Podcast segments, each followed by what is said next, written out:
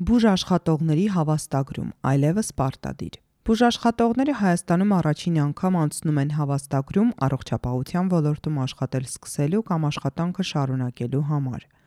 Պահանջը պարտադիր է դարձել 2023 թվականի հունվարի 1-ից,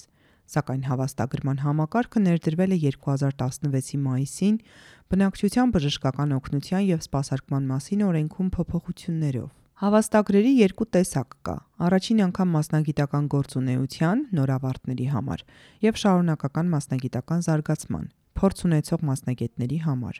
Շարունակական մասնագիտական զարգացումը բուժաշխատողների մասնագիտական կարողությունների, ունակությունների և հմտությունների զարգացման անընդհատությունն ապահովող գործընթաց է։ Սա ենթադրում է շարունակաբար մասնակցել վերապատրաստումների և հավաքել միավորներ, կրեդիտներ,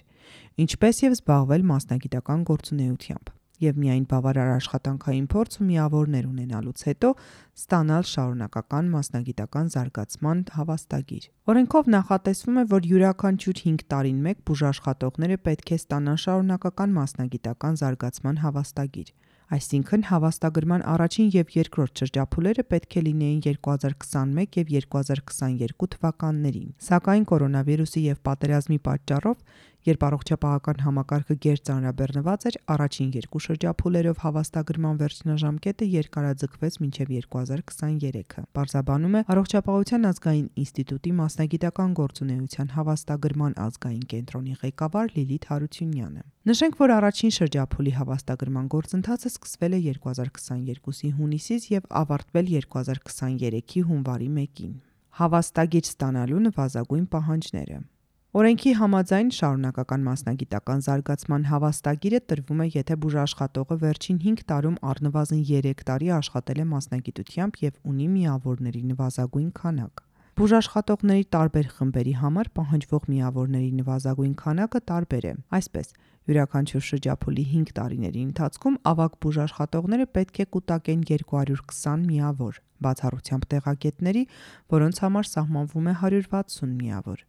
Միջին բուժաշխատողները՝ 140 միավոր, բացառությամբ տեղագործների՝ 100 միավոր, իսկ կրտսեր բուժաշխատողները շարունակական մասնագիտական զարգացման գործընթաց չեն անցնում և հավաստագիր չեն ստանում։ Ի դեպ, դրսից բերված մեկ կրեդիտը հավասար է մեկ կրեդիտի,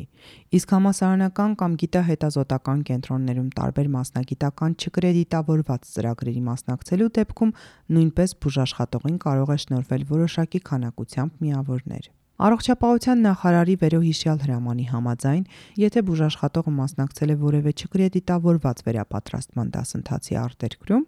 ապա 1 ժամի համար նա ստանում է 1 միավոր, ինչպես և կրեդիտավորված ծրագրերի դեպքում է։ Իսկ եթե մասնակցության փաստաթղթում ժամանակ նշված չէ, ապա յուրաքանչյուր օրվա համար տրամադրվում է 4 միավոր։ Գիտական գործունեությունը հնարավորություն է տալիս բավականին մեծ թվով միավորներ հավաքել։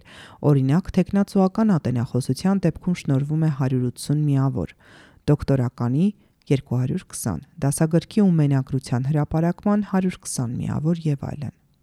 Գիտական հոդվածների հրապարակման դեպքում կարող է 6-ից 36 միավոր շնորհվել՝ կախված թե ազդեցության ինչ գործակից ունեցող ամսագրում է հրապարակվել այն։ Հարությունյանը նշում է, որ ներկայումս կան բուժաշխատողներ, որ 700-ից 800 միավոր են կուտակել,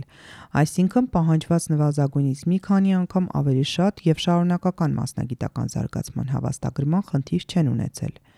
Ի դեպ, հավելյալ միավորները նոր շրջապուլ չեն տեղափոխվում և հաջորդ 5 տարիների ընթացքում բուժաշխատողը պետք է 0-ից կուտակի միավորները։ Սակայն կան նաև բուժաշխատողներ, ովքեր դեռևս չեն ստացել հավաստագիր։ Առողջապահության ազգային ինստիտուտի կողմից փոխանցված տվյալների համաձայն 35 հազար բուժաշխատողից ներկայումս հավաստագիր ստացել է 33 հազարը, այսինքն՝ շուրջ 2 հազար բուժաշխատող դեռևս չունի հավաստագիր։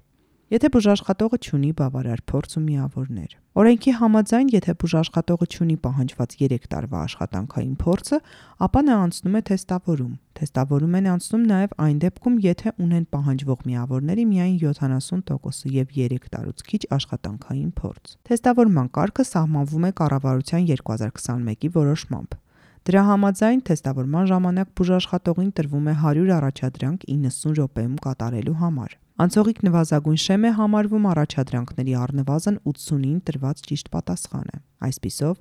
համաձայն առողջապահության նախարարի 2022-ի հրամանի, շարունակական մասնագիտական զարգացման հավաստագրի տրամադրումը մերժվում է, եթե ներկայացված փաստաթղթերը կեղծ են կամ հայտում նշված մասնագիտությունը չի համապատասխանում բուհի կողմից տրված ավարտական փաստաթղթում կամ շարունակական մասնագիտական զարգացման փաստը հավաստող փաստաթղթում նշված մասնագիտությանը կամ հայտատուն չի լրացրել պահանջվող միավորների քանակը կամ հայտատուն վերջին 5 տարում առնվազն 3 մասնագիտական գործունեություն չի իրականացրել եւ այն լրացնելու նպատակով չի անցել թեստավորում կամ շարունակական մասնագիտական զարգացման միավորները տրամադրվել են այն կազմակերպությունների կողմից, որոնք չկան բնակչության բժշկական օգնության եւ սպասարկման մասին օրենքով սահմանված կազմակերպությունների ցանկում կամ ներկայացված շարունակական մասնագիտական զարգացման միավորները չեն լրացվել շարունակական մասնագիտական զարգացման գործունեության բոլոր տեսակներից՝ տեսական, գործնական, ինքնակրթություն եւ ինքնազարգացում։ Բուժաշխատողը շարունակական մասնագիտական զարգացման հավաստագրի մերժումը կարող է բողոքարկել վարչական կամ դատական կարգով։ Եթե բուժաշխատողը ունի հավաստագիր, Շարունակական մասնագիտական զարգացման հավաստագիր ունեցող բուժաշխատողի հետ դադարեցվում են աշխատանքային հարաբերությունները համաձայն բնակչության բժշկական օգնության եւ սպասարկման մասին օրենքի։ Վարչական իրավախախտումների վերաբերյալ օրենսգրքի 47-9-րդ հոդվածով սահմանվում էր, որ շարունակական մասնագիտական զարգացման հավաստագիր ունեցող անձին աշխատանքային պարտականություններ իրականացնել թույլատրելու դեպքում նախատեսվում է տուգանք 300.000 դրամի չափով, իսկ 1 տարվա ընթացքում նույնը կրկնելու դեպքում 600.000 դրամ տուգանք։ Այսինքն հավաստագիր չունեցող բուժաշխատողը կորցնում է աշխատելու իրավունքը։ Սակայն արդյոք բուժաշխատողն ունի հնարավորություն շարունակելու միավորներ հավաքելն ու դիմել հավաստագրման համար։ Այս հարցի պատասխանը ենթադրում է, որ պետք է գտնել բնակչության բժշկական օգնության եւ սպասարկման մասին օրենքի 34-րդ հոդվածի 7-րդ կետում։ Վերջին 5 տարում շարունակական մասնագիտական զարգացման միավորների նվազագույն քանակի 70%-ի շեմը չհաղթահարած բժշկատողները չբավարարող շարունակական մասնագիտական զարգացման միավորների քանակը լրացնում են սույն օրենքի 32-րդ հոդվածով սահմանված պահանջներին համապատասխան։ Սակայն պարզվում է, որ նույն օրենքի 32-րդ հոդվածը վերաբերվում է բոլորովին այլ հարցի՝ Բուշ հիմնարկի գործադիր մարմնի ընտրությանը։ Ինչևէ, Լիլիթ Հարությունյանը նշում է, որ եթե բուժաշխատողը հունվարի 1-ի դրությամբ ունի հավաստագիր, ապա նա կարող է շարունակել կൂട്ടակել միավորները եւ երբ պահանջվող նվազագույն քանակն ունենա, դիմել հավաստագրման համար։ Սակայն այս դեպքում նրա համար շրջափուլի մեկնարկը կհամարվի ոչ թե 2016-ը, այլ 2018-ը, հետևաբար մինչև 2018-ը կൂട്ടակած միավորները չեն հաշվվի։ Խնդիրներ համակարգում. Ատամնաբույժ Գոր Բաբաջանյանը օրենքում խնդիրներ է տեսնում եւ առաջարկում է փոփոխություններ անել։ Նրա խոսքով բավարար միավորներ հավաքելու համար նախատեսված ծրագրերը հիմնականում վճարովի են։ Մեր երկրում, որտեղ դատավորը ստանում է 1 միլիոն դրամ աշխատավարձ, վերապատրաստվում է անվճար, բայց հենց հերթը հասնում է բուժաշխատողներին, ասում են՝ մենք չունենք այդ ռեսուրսները, գնացեք վերապատրաստվեք ձեր հաշվին։ Սա խտրականություն է։ Բժիշկն ասում է, որ եթե պետությունը պահանջում է պահանջվող միավորների առնվազն 70%-ն ունենալ, այնուհետև թեստավորում անցնել, ապա պետք է ապահովի նաև այդ 70%-ը անվճար պայմաններով կուտակելու հնարավորություն։ Առողջապահության ազգային ինստիտուտն ունի անվճար վերապատրաստման կուրս, որի միջոցով 26 միավոր կարող ես հավաքել։ Սա ընդամենը 2%-ն է։ Ինչու ավելի շատ անվճար միավորներ տալու հնարավորություն չունեն։